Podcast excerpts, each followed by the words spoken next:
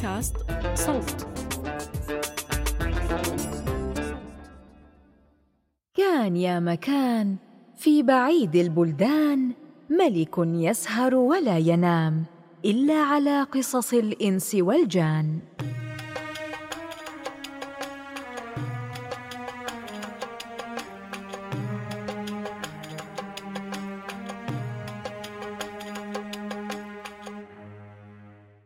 بلغني أيها الملك السعيد أنه كان في مصر أخوان ورثا الوزارة عن أبيهما فجلسا في يوم يتحاوران عن تزويج ولديهما فاختلفا فتشاجرا. أنا لا أرضاه لها أصلا.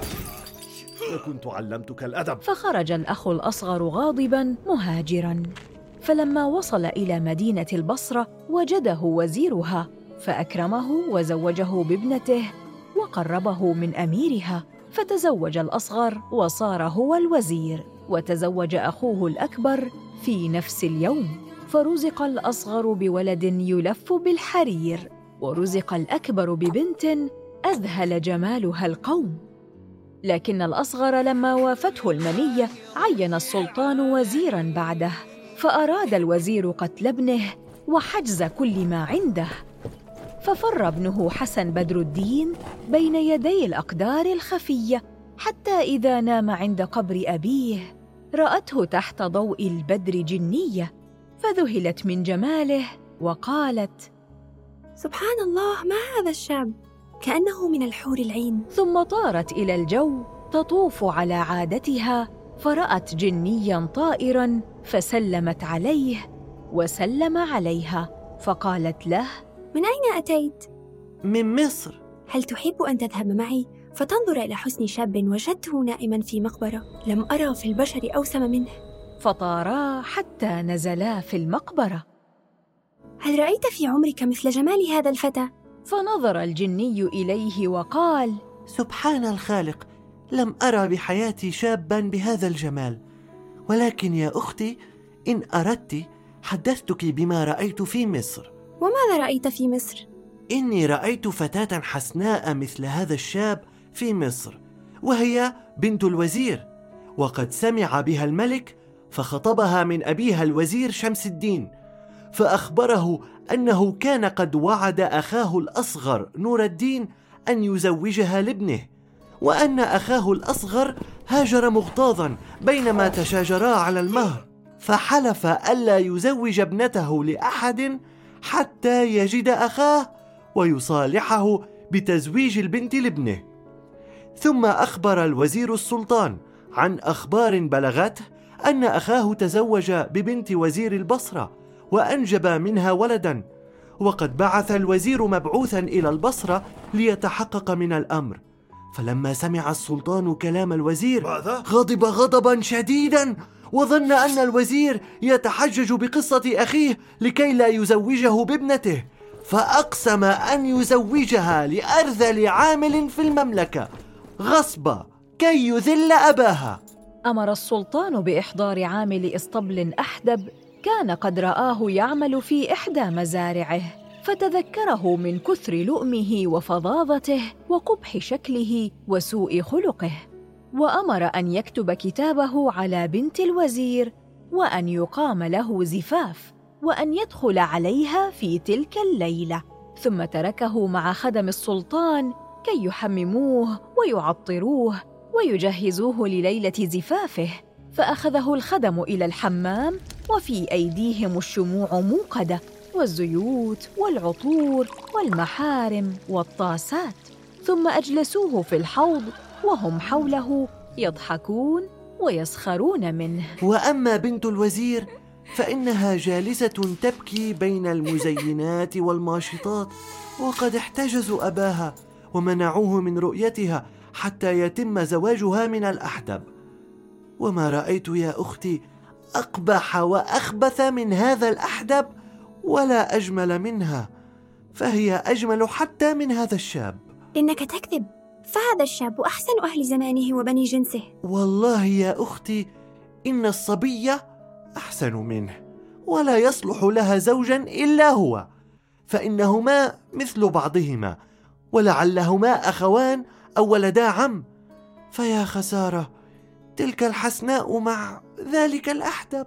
عندها خطرت ببال الجنية فكرة فابتسمت وقالت للجني دعنا نأخذ هذا الشاب؟ ونذهب به إلى الصبية التي تتكلم عنها فنرى أيهما أكثر جمالاً. فحمله الجني وطار به في الجو وطارت الجنية معه إلى أن نزل به في مصر فوضعه على مصطبة في قصر السلطان وأيقظه. فاستيقظ حسن بدر الدين من النوم فلم يجد نفسه على قبر أبيه ولا في البصرة والتفت يمينا وشمالا فلم يعلم أين هو. فأراد أن يصيح فغمزه الجني وأوقد له شمعة وقال له اعلم أني جئت بك إلى هنا وأريد أن أعمل معك معروفا. فخذ هذه الشمعة وامشي بها إلى ذلك الحمام واختلط بالناس ولا تزل ماشيا معهم حتى تصل إلى قاعة العروس. فإذا وصلت إلى القاعة فاسبق الناس وادخل القاعة ولا تخشى أحدا. وإذا دخلت فقف على يمين العريس الأحدب بينه وبين القاضي. وكلما جاءتك الماشطات والمغنيات والخادمات فضع يدك في جيبك.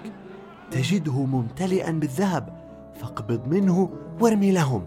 وأعط كل من جاءك حفنة من الذهب ولا تخشى من شيء. وتوكل على الذي خلقك. فلما سمع حسن بدر الدين كلام الجني تعجب عجبا شديدا ولم يعلم إن كان في حلم أو يقظة لكنه تذكر وفاة أبيه وفراره من وزير البصرة الجديد فأدرك أنه ليس لديه ما يخسره فوافق على ما قاله الجني ثم مشى وحمل الشمعه وتوجه إلى الحمام فوجد الأحدب يتعطر وخدم السلطان يلبسونه حلة الزفاف ومعهم بعض رجال القصر يتجهزون ليزفوه. فدخل حسن بدر الدين بين الناس. فلما جهز الأحدب مشى به الرجال وحسن بدر الدين بينهم حتى دخلوا قاعة العروس فسبقهم حسن. فلما رأته النساء قمن له بالزغاريد والتصفيق وقامت المغنيات يغنين والراقصات يرقصن. ولما دخل الأحدب تشاءمن منه.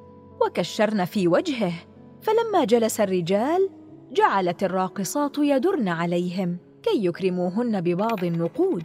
وكلما وقفت خادمة أو راقصة أو مغنية عند حسن بدر الدين وضع يده في جيبه فوجده ممتلئا بالذهب كما قال الجني فيقبض قبضة من الذهب ويرميها لهن. فاندهشت عقول المغنيات من كرمه وتعجب الناس من حسنه وجماله ولم يزل على هذه الحال حتى وصل القاضي والشهود. فأخذت الخادمات حسن بدر الدين وأجلسنه بجانب القاضي برغم أنف العريس الأحدب ثم اصطفت جميع النساء صفين. وبيد كل امرأة شمعة كبيرة موقدة مضيئة وكلهن ملثمات. وشكلن رواقا من عند منصة العريس إلى الباب الذي تخرج منه العروس. فلما نظرت النساء إلى حسن بدر الدين وما هو فيه من الحسن والجمال ووجهه يضيء كأنه هلال مالت جميع النساء إليه. فقالت المغنيات للخادمات إن هذا الشاب الوسيم لا يكرم إلا بالذهب الأحمر فلا تقصرن في خدمته. وأطعنه فيما يقول. فتزاحمت النساء عليه بالشموع كي ينظرن إلى جماله فانبهرت عقولهن من حسنه ورفعن ما كان على وجوههن من النقاب وتحيرت منهن الألباب. وتمنين لو كان هو عريس تلك الصبية الحسناء بدلا من ذلك الأحدب. ثم دعون لحسن بدر الدين ودعون على الأحدب. ثم إن المغنيات ضربن بالدفوف وأقبلت الماشطات وبنت الوزير بينهن وقد طيبنها وعطرنها وألبسنها وحسن شعرها ونحرها بالحلي. فجلست وأحاط بها النساء فصرن كالنجوم وهي بينهن كالقمر إذا انجلت عنه الغيم. وكان حسن بدر الدين جالسا والناس ينظرون إليه. ثم قامت العروس لتسلم على الحاضرين فيكرموها بالهدايا فقام إليها الأحدب ليسلم عليها فأعرضت عنه وأكملت حتى صارت أمام حسن ابن عمها فضحك الناس لما رأوها مالت إلى حسن بدر الدين فوضع يده في جيبه وقبض الذهب ورماه في إناء المغنيات ففرحن وقلن كم تمنينا أن تكون هذه العروس لك؟ فتبسم. هذا كله والأحدب جالس وحده كأنه قرد وكلما أوقدوا له الشمعة انطفأت فجلس باهتا في الظلام يمقت نفسه والناس يحيطون به. وأما العروس فإنها رفعت كفيها إلى السماء ودعت الله أن يجعل صاحبنا زوجها. ويريحها من ذلك الأحدب. فأمنت حولها الماشطات. فلما انتهى الحضور من الأكل والشرب والرقص استأذنوا بالانصراف. وخرج جميع من كان في الفرح من النساء والأولاد. ولم يبق إلا حسن بدر الدين والأحدب والقاضي والشهود. ثم إن الناشطات أدخلن العروس لحجرتها ليزلن ما عليها من الحلي. ويهيئنها للعريس. فعند ذلك تقدم الأحدب إلى حسن بدر الدين وطلب منه المغادرة فقام وخرج من الباب فلقيه الجني. قف يا بدر الدين؟ وانتظر هنا. فإذا خرج الأحدب إلى بيت الراحة ادخل أنت واجلس في مكانه واعقد القران بدلا منه. فإذا أقبلت على العروس فقل لها إنك زوجها. وإن الملك عمل تلك الحيلة لأنه يخاف عليها من العين والحسد. وإن الأحدب أخذ أجره ليمثل دور العريس.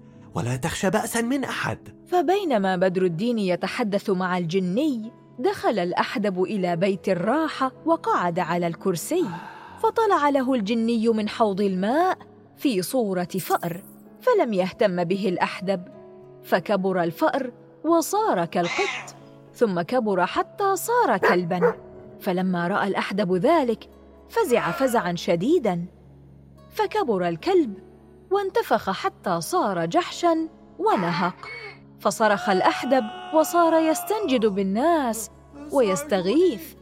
وإذا بالجحش قد كبر وصار ثورا وملأ عليه المكان وتكلم بكلام الإنسان. وقال ويلك يا أحدب! يا أنتن الخدم هل ضاقت عليك الأرض حتى تتزوج الفتاة التي أريدها؟ فبكى الأحدب وقال والله لا ذنب لي في ذلك. إنهم غصبوني على الزواج منها ولم أعرف أن لها من الجواميس من يعشقها ويريدها ولكنني تائب إلى الله. ثم إليك. أقسم بالله إن خرجت من هذا المكان أو تكلمت مع أحد قبل طلوع الشمس لأقتلنك شر قتله. وإذا طلعت الشمس فاخرج إلى حال سبيلك ولا تعد إلى هذا البيت أبدا. ثم إن الجني قبض على الأحدب وقلب رأسه إلى الأسفل وجعل رجليه إلى الأعلى وقال له اقعد هكذا وأنا أحرسك إلى طلوع الشمس. وأما حسن بدر الدين فإنه ترك الأحدب والجني يتخاصمان في بيت الراحة وكتب كتابه على بنت عمه ست الحسن ثم أكرم القاضي والشهود ودخل إلى حجرة العروس فوجدها وقلبها مكسور وكانت قد عقدت العزم ألا تدع الأحدب يقترب منها ولو كلفها ذلك حياتها. فلما دخل عليها حسن بدر الدين فرحت به فرحا شديدا. ولكنها استغربت الأمر ولم تفهم ما يجري فأخبرها حسن بما أملاه عليه الجني وقال لها إن الأحدب أخذ أجرته ورحل. فلما سمعت ست الحسن ذلك الكلام من حسن بدر الدين فرحت وتبسمت وضحكت ضحكا لطيفا فحمدت الله وأثنت عليه. ثم قام حسن وحل عباءته وأخذ كيس الذهب الذي كان أخذه من التاجر ووضعه تحت عباءته وأزاح عمامته ووضعها على الكرسي حتى صار بقميص النوم. فأوى إلى زوجته وقضى الليلة معها وكلاهما سعيد بالآخر سابح في حبه وغرامه حتى غلب عليهما النعاس وغطا في النوم. ثم إن الجنية دخلت عليهما الحجرة وهما نائمان. ولما رأت حسن بدر الدين بجانب زوجته ست الحسن غارت وغضبت. ثم نادت الجني فلما حضر قالت له لم يكن هذا اتفاقنا. لقد اتفقنا أن نجلسه بجانبها كي نرى أيهما أجمل وأحسن. وأنت جعلت تدبر وتخطط حتى زوجته بها. يا أختي لقد رأيت جمال هذه الفتاة بنفسك. ورأيت قبح الأحدب الذي أرادوا أن يزوجوها به غصبا. فكيف تريدين مني ألا أدبر وأخطط لإبطال ذلك الزواج؟ لا يهمني أمر هذه الفتاة وكنت قد أذنت لك أن تحمله إليها وليس أن تزوجه بها. ولي عليك أن تعيده من حيث أتيت به. وأما هذه الفتاة فهي الآن متزوجة ولا يستطيعون تزويجها لرجل آخر.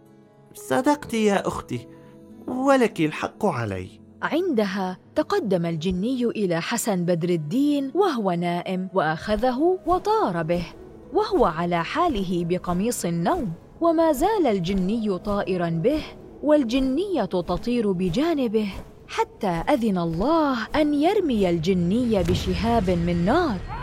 فاحترق الجني ونجت الجنية. فأمسكت بحسن بدر الدين وأنزلته إلى الأرض وصادف انها أنزلته بجانب سور مدينة دمشق وخافت أن تطير به فتقذف بشهاب كصاحبها فبقيت بجانبه طوال الليل تحرسه من الوحوش والثعابين والعقارب حتى طلع النهار فحملته ومشت به إلى أبواب المدينة وتركته هناك فلما استيقظ حسن بدر الدين لم يعلم أين هو أو ما جرى له ولا حتى من هو بعد أن فقد ذاكرته من ضربة الشهاب.